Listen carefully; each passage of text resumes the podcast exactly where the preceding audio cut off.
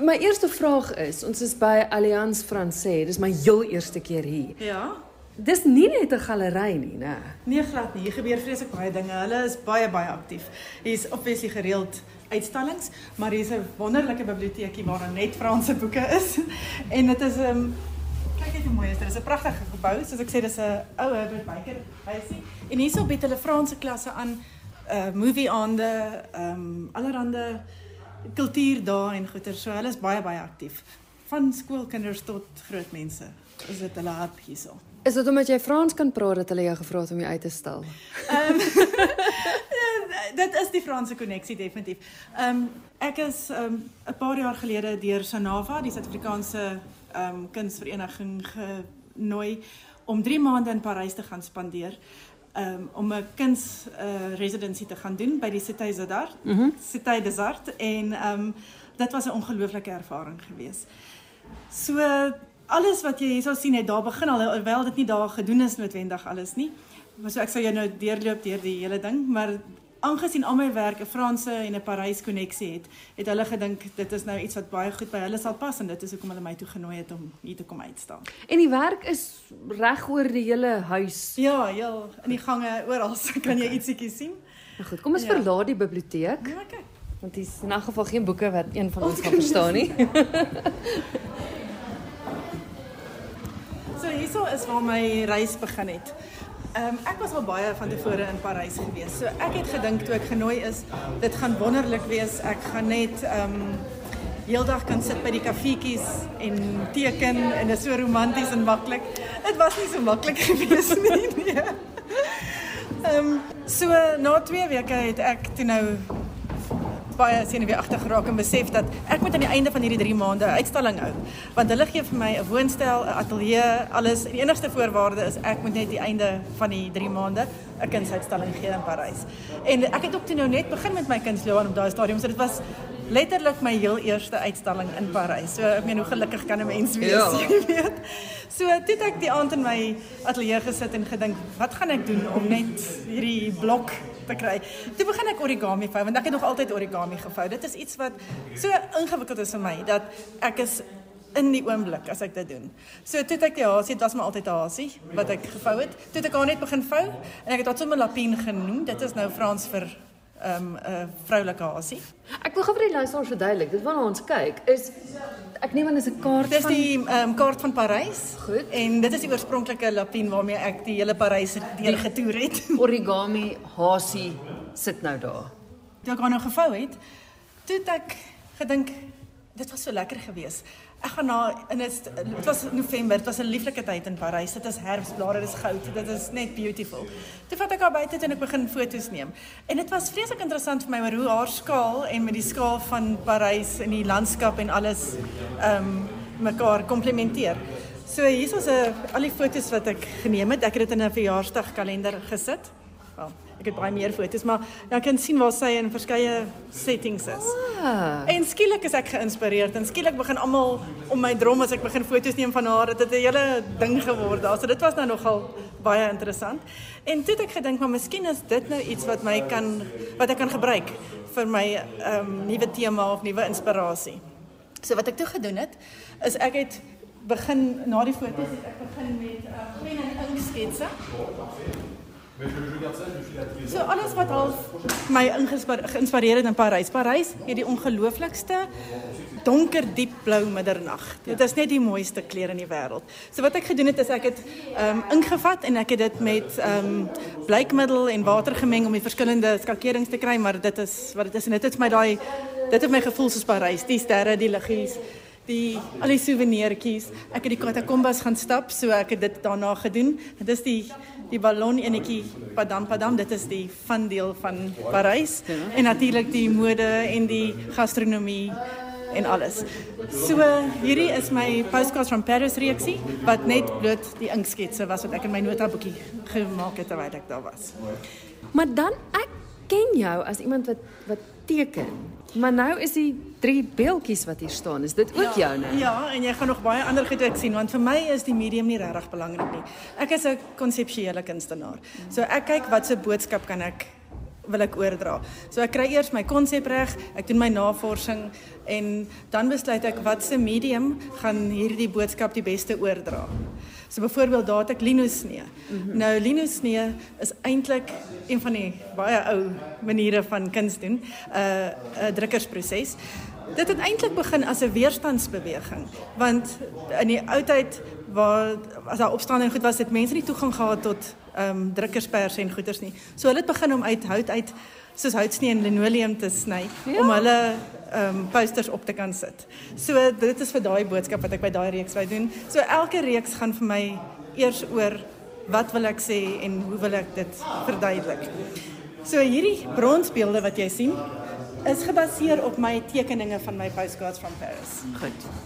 Ek het hulle dit is wat vir my ongelooflik is van brons is dat dit 'n stuk van die aarde is wat geforge is en wat vir ewig gaan hou. Mm. Lank nadat ons nie meer hier is nie, jy weet. So dit is my ongelooflike medium om in te werk. Dit is baie moeilik om so klein te werk. Dit is baie makliker om groot te werk. Ja, want ek maar die wat, dis op 20 cm ja, hoog. Ja. Ja. En dit saam met die voetstuk en die ja. glas ehm um, koepel wat hier oor is. Ek wou dit soos weet as jy op vakansie is dan kom mense baie keer terug met 'n snow globe. Ja. So ek wou daai effek gehad het. Dis hoekom ek hulle almal in glas bubbles gesit het. Dis weer die hasie, né? Ja. Verduidelik gou vir die luisteraars net vinnig waar waar sy in die drie beelde is of wat jy uitbeeld. Okay. Die eerste enetjie, soos ek sê, toe ek die katakombes gestap het, was dit vir my nogal ongelooflik want dit is nie daai morbiede katakombes van soos in Rome nie. Hierdie is letterlik die stad het te groot geword. Hulle moes van die begrafplase herplaas en so hulle het dit verskriklik mooi gedoen. Dis in patrone en dit, jy loop vir kilometers onder die grond ehm um, deur die katakombes. En dit was net vir my esteties so mooi geweest dat ek wou dit vir ewig op 'n manier en omdat Lapine nou half my avatar geword het, het ek gedink om haar aan te hou gebruik so met dit. Dan natuurlik was ek by 'n paar ehm um, modehuise gewees en ek meen Parys is net ja. Alles is net designed. Jy weet mode, die die, die klere, die manier hoe hulle lewe, die kos, alles. So ek wou graag daai deel ehm um, hiervan gemaak het. So sy daai tradisionele draadrok aan wat hulle die goed van maak.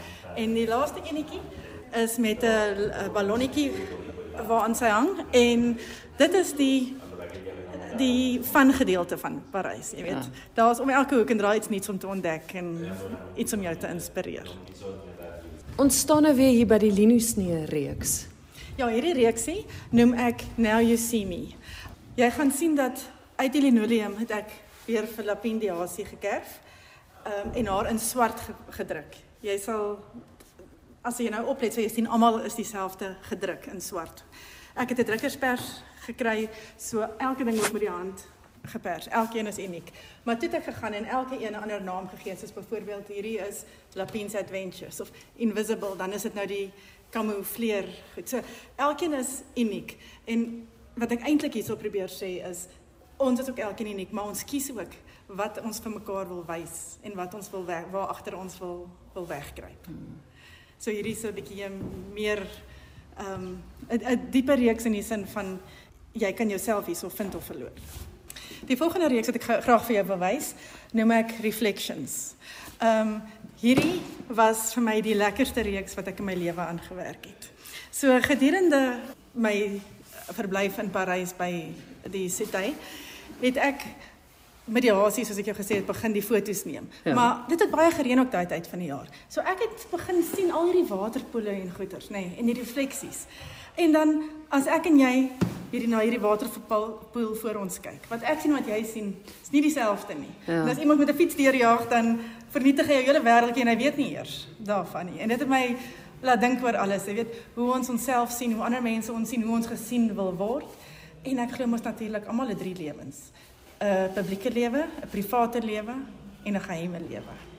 En ek wou toe graag dit wys met al die foto's wat jy hierso sien, het ek self geneem, niks is gefotoshop nie. En alles is in waterpoele of in venster weerkaatsings afgeneem. So ek het met hierdie klomp foto's huis toe gekom en nie geweet wat om daarmee te doen nie want ek wil nie net foto's iemand gee nie, ek ek moet maar ekstra. en dit het my lank gevat en toe eendag toe besluit ek, okay, ek weet wat ek gaan doen met die foto's. Ek was gedurende my uh, verblyf ook in Parys was ons op 'n roadtrip gewees op Normandie toe.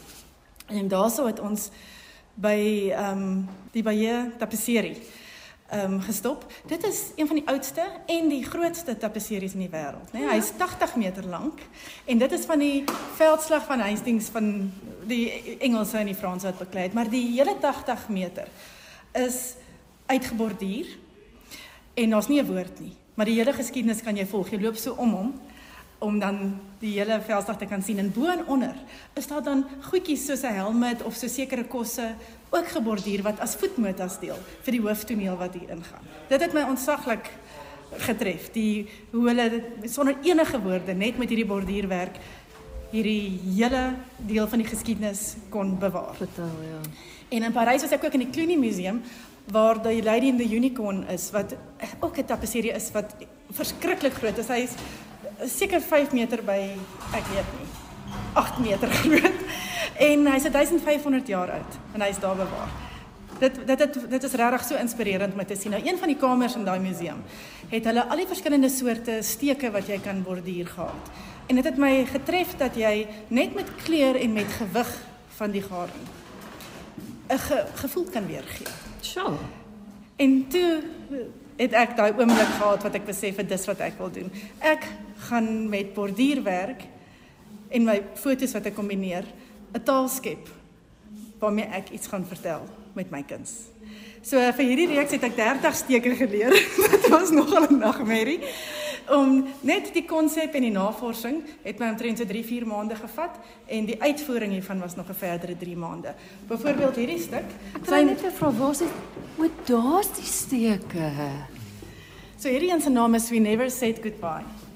Ehm um, nou ek wil net hom vir 'n voorbeeld gebruik dat jy kan sien hoe besluit ek wat se foto gaan by wat se steek, nê. Nee.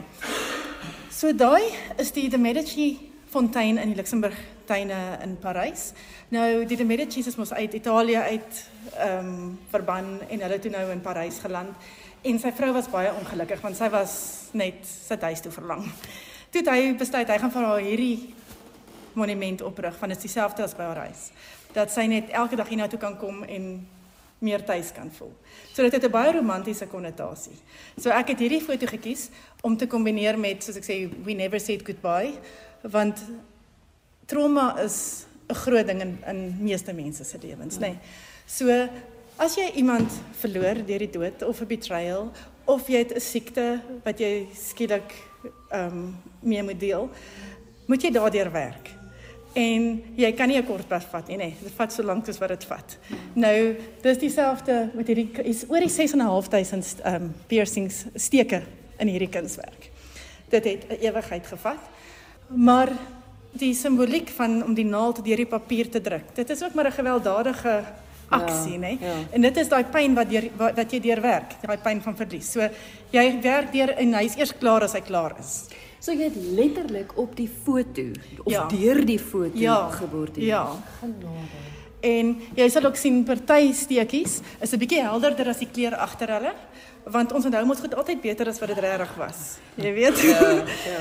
so dit was um, iets waarmee baie mense ook kon identifiseer veral na Covid het baie mense verlies en so geken. So dit was 'n baie gewilde stuk geweest daai. En so het elke foto soos jy sê 'n verskillende tipe yes. steek. Ja.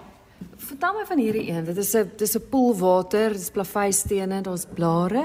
Hierdie een se naam is As the Stars Above. Ons voel baie keer alleen in hierdie groot wêreld. En dan onthou ek altyd as jy na die sterre opkyk dat die Here se genade en sy liefde is soveel soos die sand van die see en die sterre in die hemel. Dit is waar hierdie een vandaan kom. Maar waar is die steke? Dit is die dis knoopie steke. Hierdie werk is um, vir my interessant in die sin van die steke wat ek gebruik het daar. Die tegniek noem mense black work. Dit is 'n tegniek wat hulle in die oudheid gebruik het om te skakeer. Jy gaan sien boot begin ek met een een enkele garingkie. Dan word dit 2, 3, 4, 5 tot onder is daar 6 garingkies wat ek saam gebruik. So hy word donkerder onder toe hy skakeer so, nê. En dit is of ons soos jy weet ons hoe verder jy gaan hoe meer bagasie nie, uh, akkumuleer jy. Ja. Hierdie is my favourite. Sy naam is uh Tears and Rain. Jy kan die bome se refleksie sien, maar jy sien ook die dan die tussengrond wat die blare is en dan die voorgrond wat die borduurwerk is. Dit is meer 'n abstrakte borduurwerk hierdie. Maar wat my getref het van hom is um ons is maar in die kom ons noem dit die herfs van ons lewens. Dit is um hoe ons al die besluite wat jy in die lewe gemaak het. Party was goed, party was minder goed, maar dit is wat dit is. En jy moet daarmee net kan aangaan. Jy weet, soos ek sê, dit is trane en reën. Hierdie reeks gaan hoofsaaklik maar oor hoe ons aanpas ook en hoe ons deel met dinge wat ons gedeel word. Hierdie is 'n metsutent iets wat ek gemaak het. Um, Wat's dit? Dit is soos 'n gewone iets wat jy op koper maak, maar ek uh op 'n gewone koper iets sal jy nou net uitgraveer wat jy nodig het en jy se partykeer iets toe verf en so. Waar met metsutent maak jy eers die hele ding grof. En dan polish jy die prentjie uit om uit. Aha. So dis baie baie tydsrowend, maar dis baie lekker. Baie baie fyn en klein. Ja, ja. So hierdie is die uitsig van die bokant van die Notre Dame oor Parys. So toe ek die eerste ehm um, keer in Parys was vir 'n lang periode, toe het ek die geleentheid gehad om die Notre Dame uit te klim. En dit was ongelooflik. En dit was een van die foto's wat ek van bo geneem het van hoe dit gelyk het toe ek daar bo was. Dit was regtig 'n belewenis geweest. En ek is nie vreeslik groot op social media nie, maar ek het hierdie toe op Facebook gesit want dit was vir my 'n groot ding geweest. En toe 'n jaar later dan herinner Facebook mos nou vir jou dat jy was daar geweest. En toe dink ek, okay, ek gaan hierdie keer dit deel want dit is nou nogal iets spesiaals en ek deel dit toe. En 2 ure later toe begin die Notre Dame brand. En dit was vir my so merkwaardig dat dit op dieselfde dag was. En dit was so 'n tra tragedie geweest natuurlik, jy weet.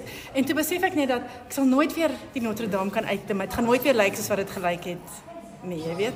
En toe toe doen ek hierdie etsie. En toe noem ek dit The Last Climb. Ja.